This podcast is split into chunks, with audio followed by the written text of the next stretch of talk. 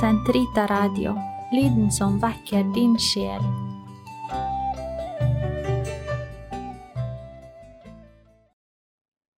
Velkommen tilbake til denne podkasten om tro og vitenskap. I siste episode drøftet vi om man kan forsvare innsamling av sommerfugler og andre insekter i våre dager, nettopp fordi de går så sterkt tilbake.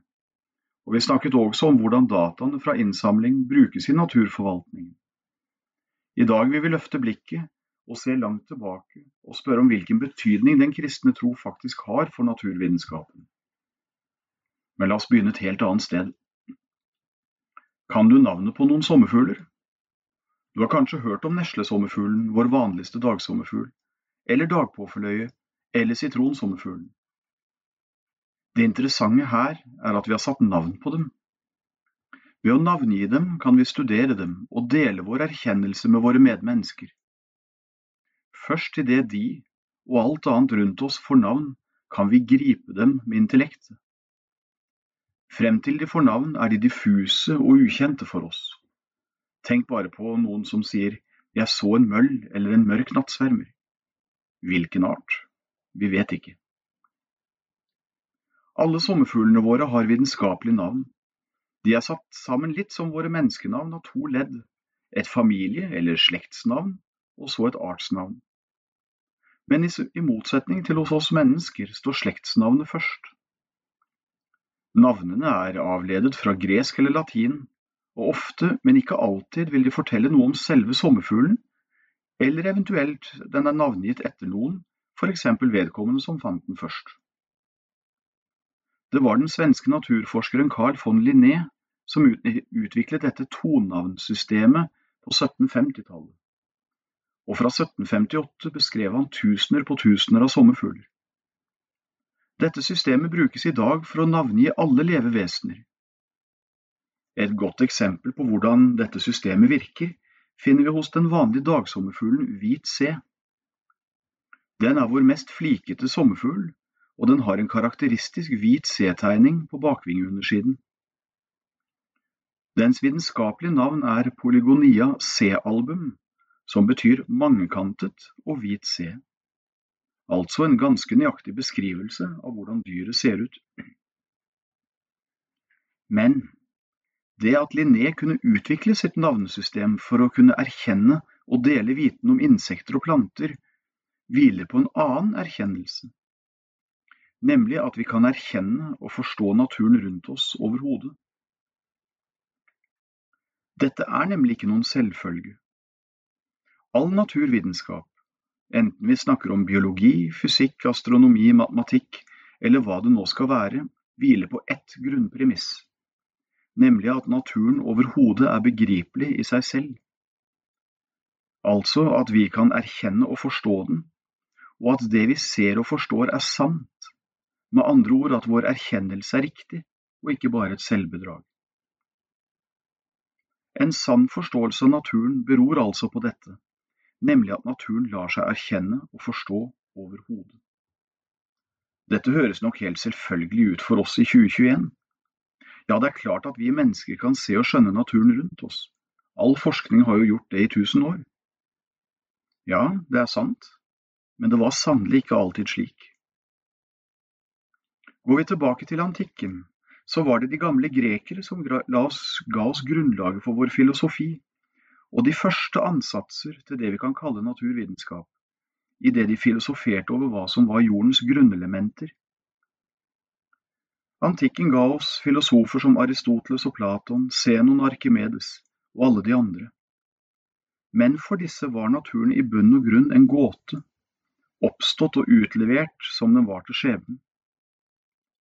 For dem var naturen utlevert til gudenes lune, og man kunne muligens mildne naturkreftene og årstidenes gang ved å holde seg inne med gudene. Men å foruts, forutsi eller forstå naturen, det kunne man ikke. Verdensaltet var oppstått av kaos, det store mørke eller tomrom i hvilket den første guddommen, Gaia, kom til. Fra dette urmørket strebet gudene mot perfeksjon, mot kosmos. Men det var en kamp som menneskene kun var vitne til uten mulighet til å gripe eller påvirke. Med kristendommen endres dette radikalt. Mens Gaia oppstår ut av urmørket, har Den kristne kirke fra første dag bekjent og trodd at Gud skapte alt ut av intet. Leser vi skapelsesberetningen i første Mosebok, så står det at i begynnelsen skapte Gud himmelen og jorden. Jorden var øde og tom, mørket lå over dypet, og Guds ånd svevde over vann. Denne beretningen ligner ved første øyekast på grekernes skapelsesmyte med Gaia, men det er én vesentlig forskjell. Gud skaper. I begynnelsen skapte Gud, leser vi. Det var Gud som fremkalte, altså skapte alt fra intet, ikke omvendt. Troen på at Gud skaper og ikke skapes ut av altet, er en radikal omveltning.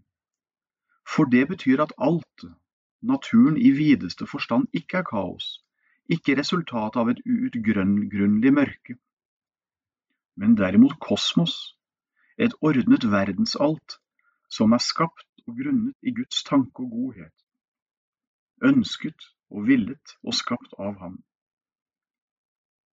Uavhengig av at skapelsesberetningen i første Mosebok Uavhengig av at skapelsesberetningen i første Mosebok er en 2500–3000 år gammel skapelsesmyte, så står dens budskap like støtt i dag. Gud er den som kaller til eksistens, altså som skaper, og skapningen, altet, er ordnet og grunnlagt i Guds tanke og ønske og selvfølgelig preget av hans visdom og fornuft. En del av skapningen, ja dens krone, er mennesket. Vi leser i skapelsesberetningen. Gud sa, la oss lage mennesker i vårt bilde så de ligner oss.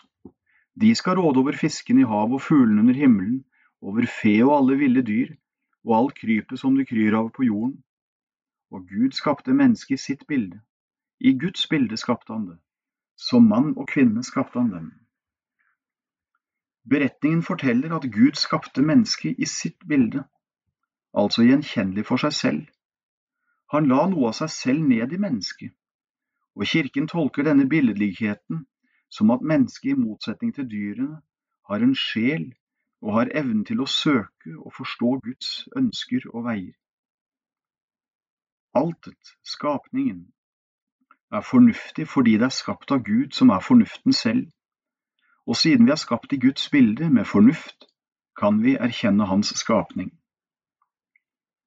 Her har vi dypest sett grunnlaget for all vitenskap, nemlig erkjennelsen av at vi ikke bare lever i og er utsatt for naturen, men faktisk kan lese den og forstå den, fordi vi er skapt på en slik måte at vårt intellekt og våre sanser gir oss en innsikt i et ordnet og logisk kosmos.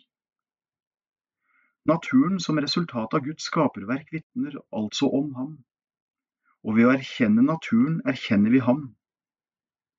Naturen som Guds skapning vil altså være en vei til å fordype sin erkjennelse av Gud. Dette er et viktig punkt, for her finner vi grunnlaget for kirkens verdsettelse av vitenskap. Utforskningen av naturen, altså den skapte verden, er en gyldig måte å fordype kunnskapen om Gud selv ved å avdekke og forstå altets indre sammensetninger og lover, vil man forstå Gud på et dypere plan. Dette prinsippet er gyldig for all vitenskap. Kirkens teologer nevner gjerne tre såkalte aksidensier, tre begreper som leder oss til Gud. Sannhet, skjønnhet og godhet. Disse er kjernebegreper som viser oss veien til Gud, for Han selv er sannhet. Alt Gud sier og gjør, er sant i seg selv. Gud er skjønnhet. Han er det vakres opphav, og han er skjønnheten i seg selv. Likeså sier vi at gode, Gud er god, at han er kjærlighet, og hans handlinger er kjærligheten i seg selv. Vitenskap er i denne sammenhengen først og fremst søken efter sannhet. All vitenskap som oppriktig søker sannhet, vil i bunn og grunn lede til Gud han som er sannheten i seg selv. På samme måte kan vi si at all genuin kunst er søken etter Gud. For alle oppriktige forsøk på å avbilde det vakre er dypest sett en søken etter Gud. Likeledes er vi fortrolig med at sann kjærlighet og nestekjærlighet er de mest troverdige vitnesbyrd om Guds nærhet iblant oss. Som en følge av dette har ikke Kirken noen frykt for vitenskap. Snarere tvert imot har den næret og fostret den, dens systematiske søken etter kunnskap, så lenge den har kunnet. Ofte hører vi moderne fordommer som at Kirken er imot vitenskap, og at de kristne brant biblioteket i Alexandria osv. Da skal man vite at kirken fra de tidligste tider søkte og fremmet kunnskap, og at den så tidlig som på 1500-tallet hadde grunnlagt over 30 universiteter i Europa. Alle disse var åpne for alle som hadde mulighet til å besøke dem, og med unntak av teologien, som var en kirkelig disiplin, så var de andre, medisin, filosofi, retorikk og matematikk, uavhengig av kirken. Likeså i moderne tid. Fra middelalderen og fremover har kirken fostret en lang rekke fremdragende vitenskapsmenn.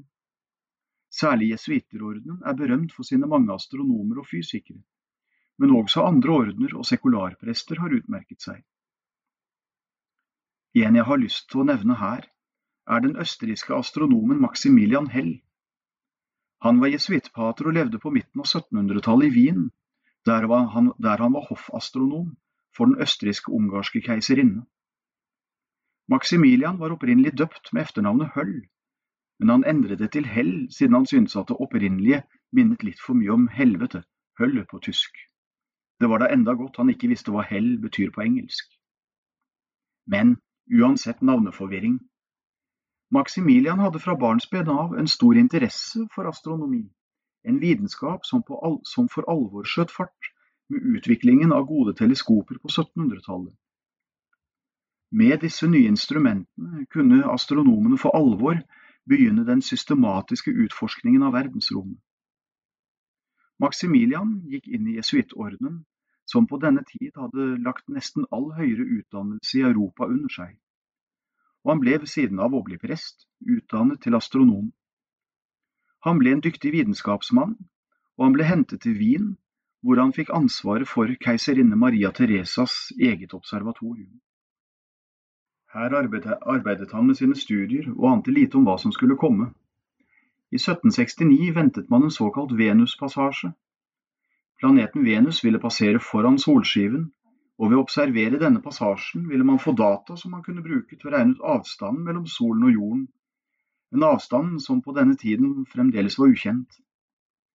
En slik passasje var sjelden, det gikk flere tiår mellom hver gang, og det ville altså være svært ønskelig at man kunne nytte denne sjeldne anledningen til å høste kunnskap. Nå var det bare det at for å få best mulig observasjon vil det være ønskelig å bruke også midnattssolen, og den er jo som kjent kun synlig fra det nordligste Europa. Derfor var det ønskelig å reise til Finnmark.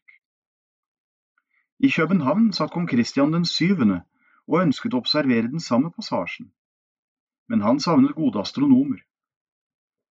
Av for oss ukjente grunner var ikke astronomien på høyden i kongens by på midten av 1700-tallet, men han hadde i hvert fall tilgang til Finnmark, som jo var den nordligste utpost i kongeriket Danmark-Norge.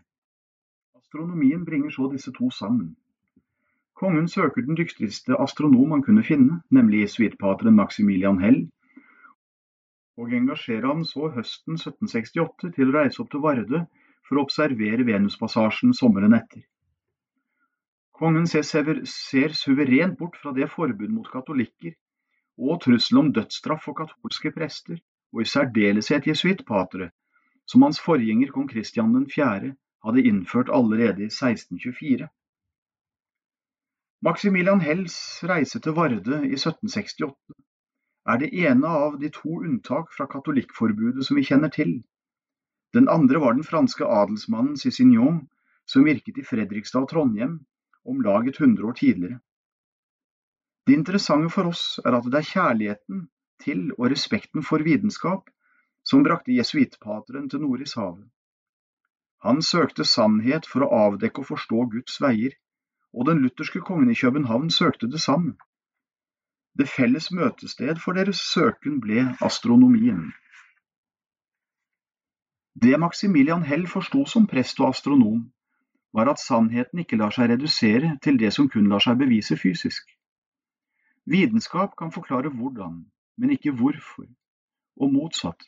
Uten en erkjennelse av Guds eksistens blir vitenskapen overfladisk og redusert fra sannhetssøken til ren problemløsningsteknikk. Vi har i dag billedlig beveget oss fra sommerfuglenga og opp i verdensrommet. Neste gang skal vi se nærmere på en av de teoriene som ligger til grunn for entomologien, læren om insektene, nemlig evolusjonsteorien. På gjenhør.